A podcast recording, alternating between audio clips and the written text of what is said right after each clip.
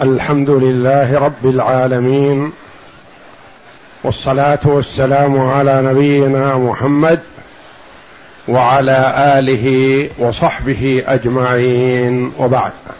بسم الله الرحمن الرحيم. الحمد لله والصلاة والسلام على رسول الله نبينا محمد وعلى آله وصحبه وسلم. قال المؤلف رحمه الله باب ذوي الأرحام. باب ذوي الأرحام. أي ميراث ذوي الأرحام. ذوي بمعنى أصحاب.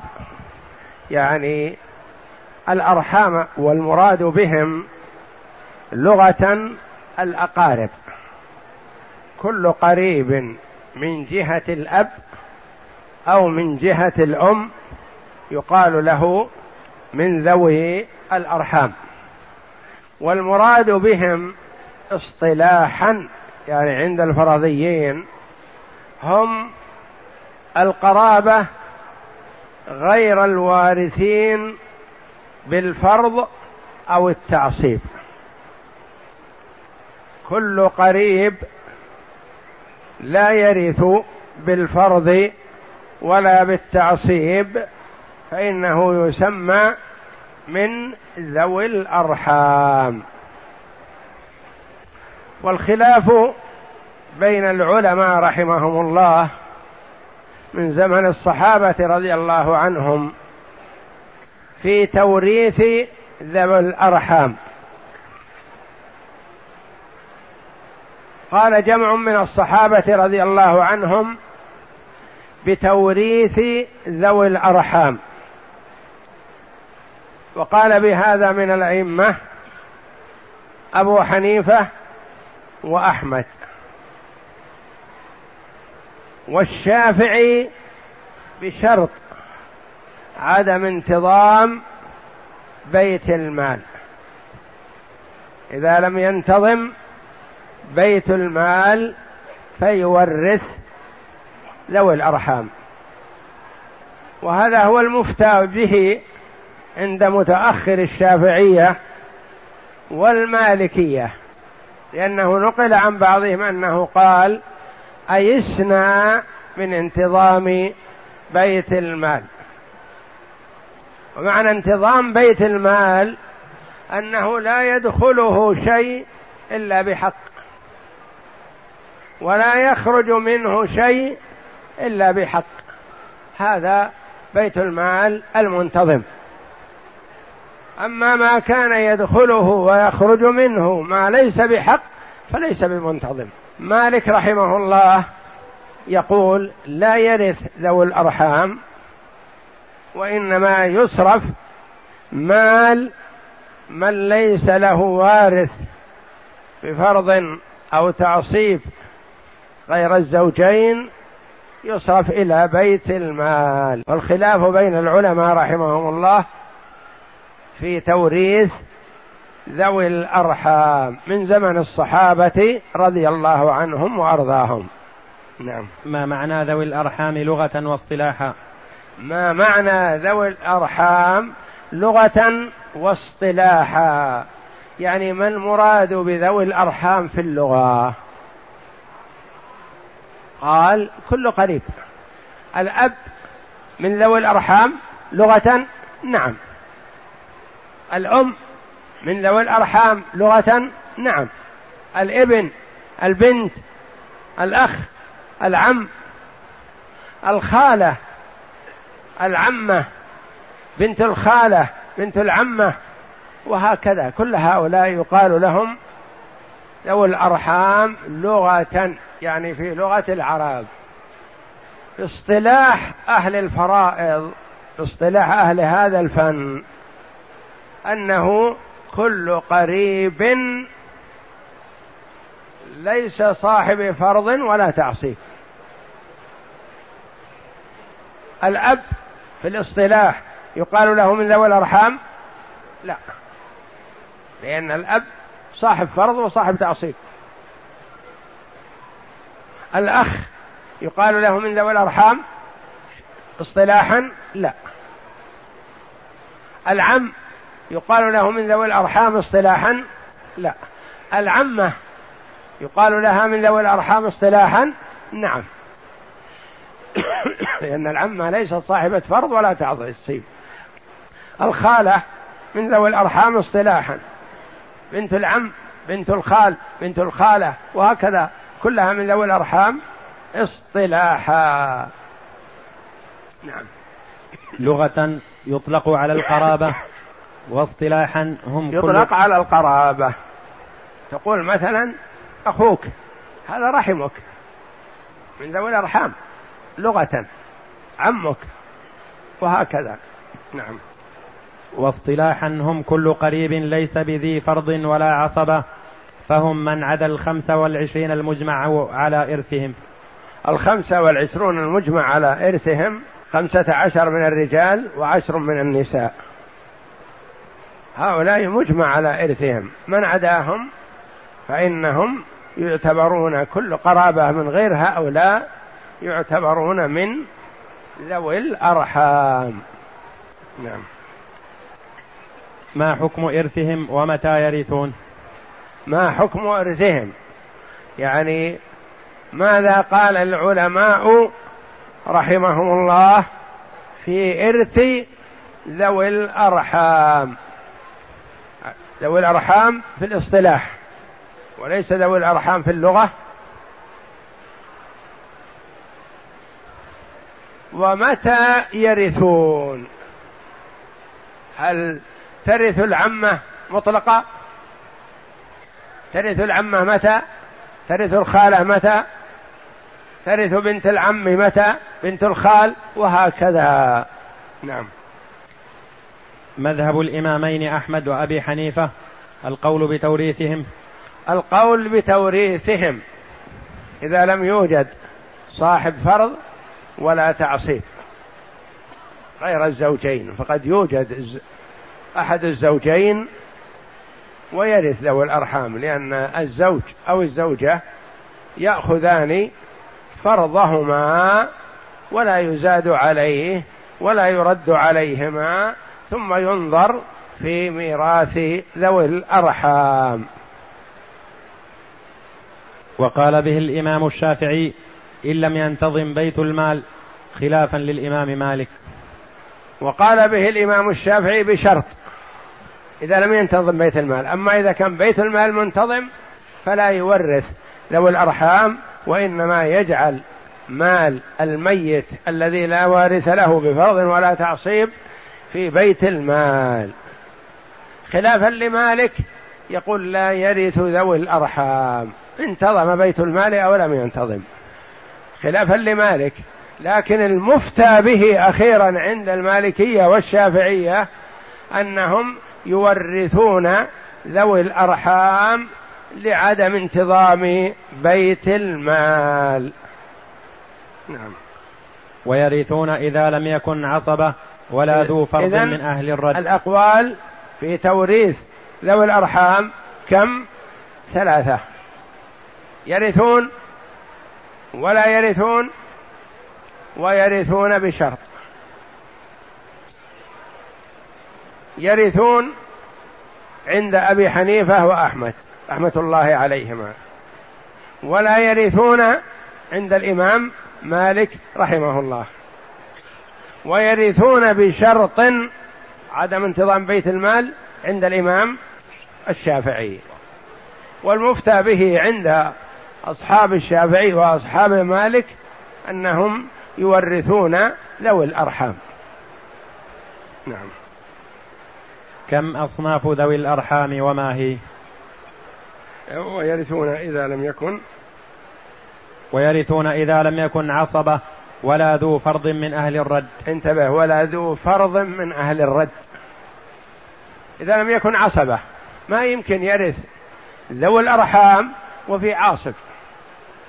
لأن ما بقي من المال يأخذه العاصب. لأن العاصب يأخذ كل ما بقي أو يأخذ المال كله. فإن استغرقت الفروض التركة سقط. مثلا ابن ابن ابن ابن عم. الجد الخامس ما وجد غيره يأخذ المال كله. ولا ذو فرض من أهل الرد. انتبه. قد يوجد ذو فرض من غير أهل الرد ويرد ذوي الأرحام. مثلا هلك هالك عن زوج وعمة فقط. الزوج ماذا يأخذ؟ النصف. والباقي من يأخذه؟ العمة. هلك هالك عن زوجة وابن أخ لأم. ابن أخ لأم. تأخذ الزوجة فرضها وهو الربع والباقي لابن الأخ لأم وإن لم يكن صاحب فرض ولا صاحب تعصيب لكنه من ذوي الأرحام. فقد يوجد صاحب فرض ويرث ذوي الأرحام. لكن هلك هالك عن جدة فقط. هل يرث ذوي الأرحام؟ لا. لأن الجدة صاحبة فرض وليست من أحد الزوجين فهي تأخذ المال كله فرضا وردا. القريب من ذوي الفروض إذا لم يكن أحد الزوجين فإن ذوي الأرحام لا يرثون معه لأنه يأخذ المال أو ما بقي فرضا وردا. أما صاحب الفرض الذي هو أحد الزوجين فإنه لا يمنع ذوي الأرحام من الميراث. نعم. كم أصناف ذوي الأرحام وما هي؟ كم أصناف ذوي الأرحام وما هي. كم أصنافهم؟ أصنافهم إحدى عشر. وهم فرع الميت وأصل الميت. ومن يدلي مع الميت بأبيه أو يدلي مع الميت بجده. هؤلاء هم أربعة لكنهم من حيث التفصيل إحدى عشر. ذوي الأرحام منهم من يكون فرع للميت كأولاد البنات وأولاد بنات الإبن. هؤلاء فرع للميت. أصل الميت كأب الأم وأمهاته. وأم لأب الجد وهكذا من الأصول غير الوارثين بالفرض أو التعصيب. لأن من الأصول من يرث بالفرض الذي هو الأم والجدة والجدات مطلقة. ومن الأصول من يرث بالفرض والتعصيب وهو الأب والجد وأبو الجد وجد الجد إلى آخره.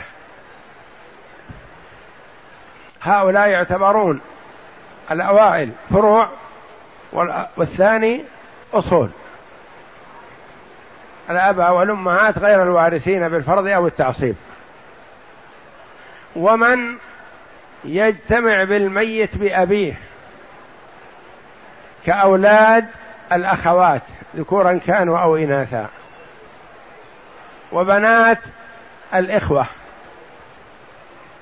وأولاد الإخوة لأم.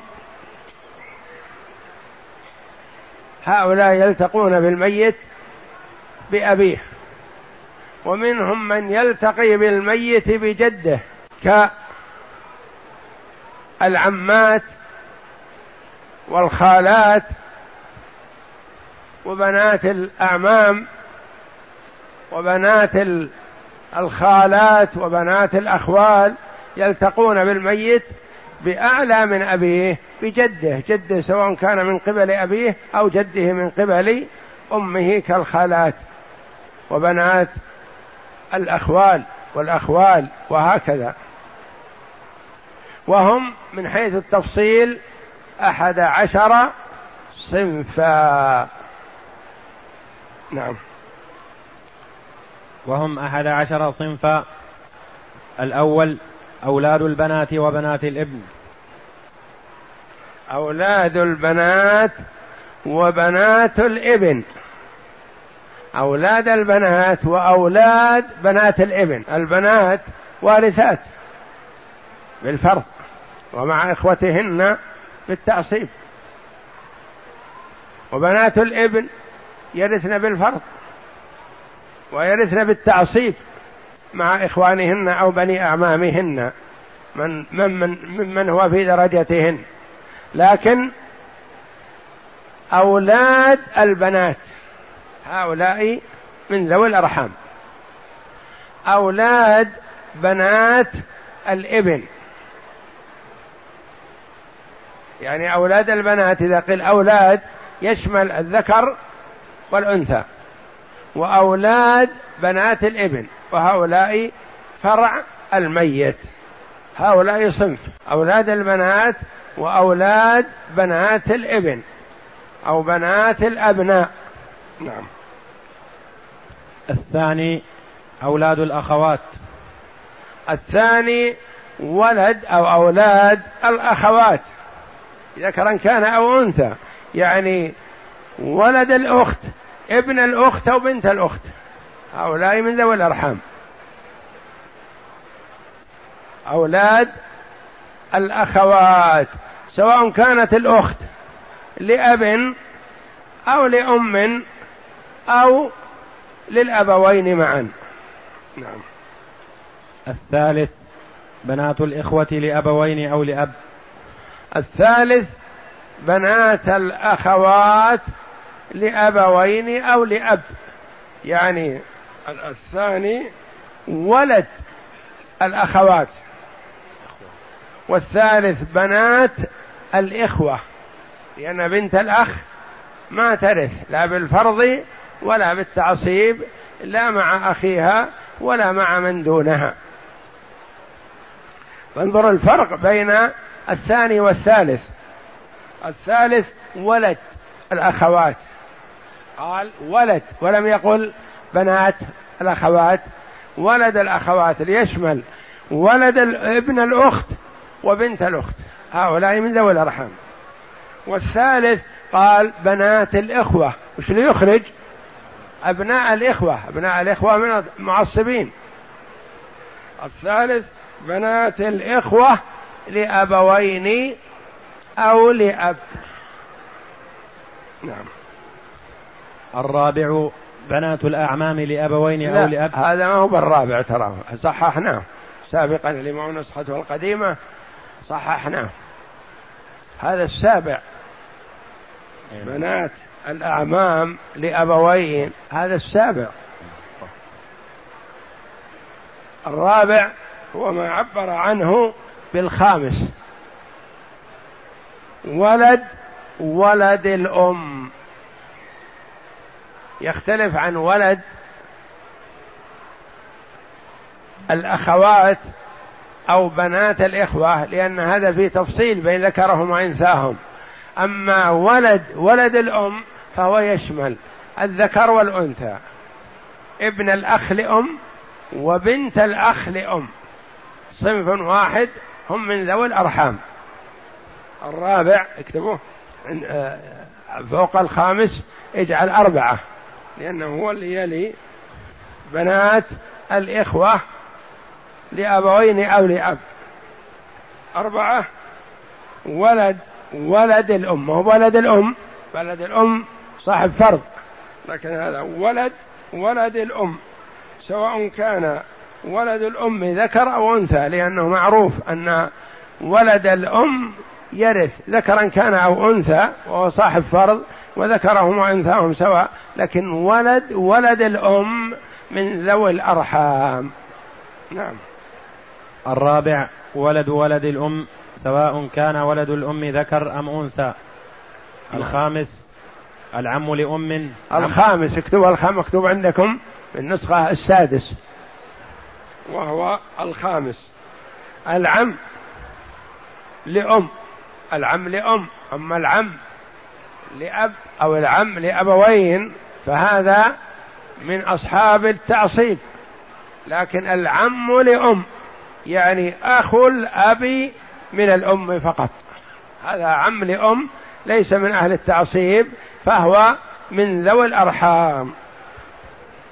وسواء كان عم الميت أو عم أبيه أو عم جده. ما دام أن له عمومة فهو عم للميت أخ لأبيه من جهة الأم. عم أبيه أخ لجد الميت من جهة الأم. عم لجده أخ لأبي الجد من جهة الأم. وإن علا. هذا هو الخامس. نعم. الخامس العم لأم السادس بدل السابع اللي مكتوب عندك السابع. السادس العمات من كل جهة سواء كنا شقيقات أو لأب أو لأم وسواء عمات الميت أو عمات أبيه أو جده. مثل الأعمام لأم. العمات هذه عمة شقيقة عمة لأب عمة لأم سيان.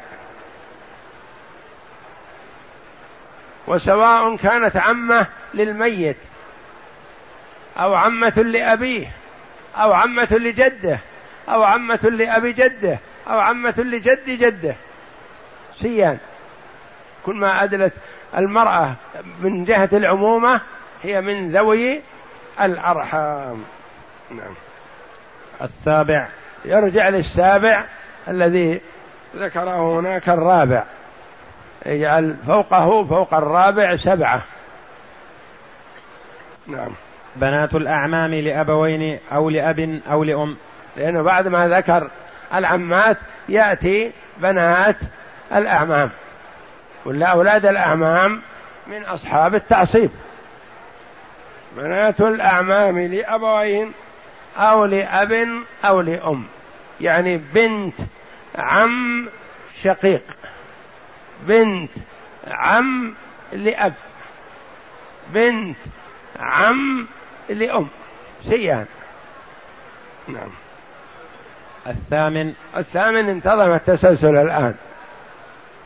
الأخوال والخالات أي إخوة الأم وأخواتها سواء كن كانوا أشقاء أو لأب أو لأم. الثامن الأخوال والخالات. والخال هو أخو الأم. وسواء كان أخ للأم من الأبوين أو أخ للأم من الأب أو أخ للأم من الأم. ومثله الخالة أخت الأم من الأبوين أو من الأب أو من الأم. التاسع الجد أبو الأم وأبوه وجده وإن علا. التاسع الجد الجد لا من قبل الأب لأن الأب وأبو الأب وجد الأب وجد جد الأب وهكذا هؤلاء من أصحاب الفروض مع الفرع الوارث وما يأخذون بالتعصيب مع عدم ذكور الفرع الوارث. لكن هذا الجد أبو الأم. أبو الأم. وأبوه وجده وإن علا. مهما ارتفع ما دام إدلاؤه إلى الميت من جهة الأم فهو غير وارث لا بالفرض ولا بالتعصيب فيعتبر من ذوي الأرحام. نعم. العاشر. كل جدة أدلت بأب بين أمين كأم أبي الأم. وكل جدة أدلت بأب أعلى من الجد كأم أبي أبي أب الميت. كأم أبي الجد أو أم أبي أبي الأب. هذا العاشر. الجدة غير الوارثة. من الجدات غير الوارثة. الجدة التي أدلت بأب بين أمين. ما هي؟ أم أبي الأم. أم أبي الأم أدلت بأب بين أمين هي إحداهما والأم الأصلية الأولى هي فهو بينهما. فهذه الجدة التي أدلت بأب بين أمين ليست من أصحاب الفروض ولا من أصحاب التعصيب فهي إذن من ذوي الأرحام.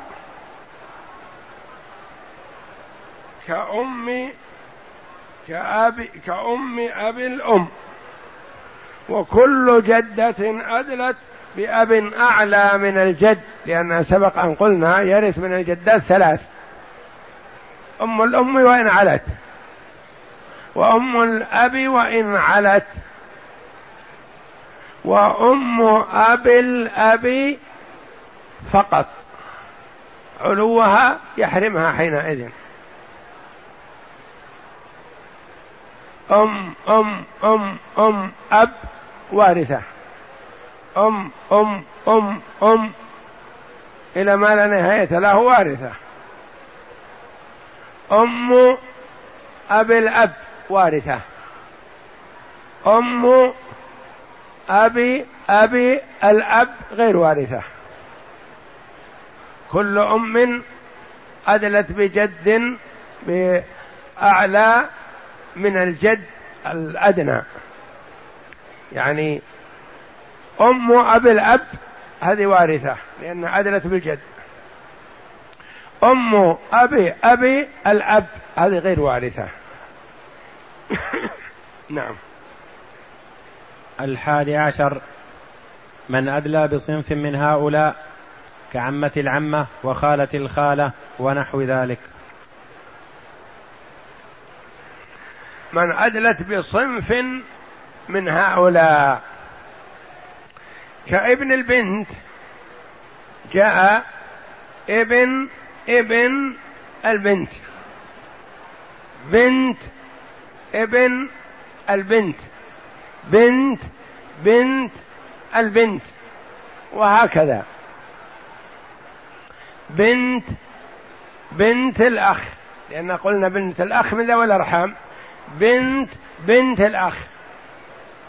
بنت بنت بنت الأخ. من ذوي الأرحام. من أدلى بصنف من هؤلاء الأصناف. ونعرف أن هؤلاء الأصناف ليسوا على الترتيب في الميراث. قد يرث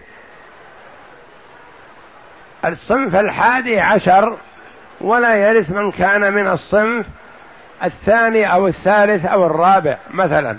فليسوا على حسب الترتيب وإنما هذا تصنيفهم بحسب قرابتهم. فروع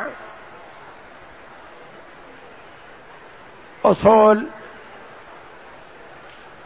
يلتقون بالأب حواشي والحواشي صنفان يلتقون بالميت بالأب كالأخوات أبناء الأخوات ونحوهم.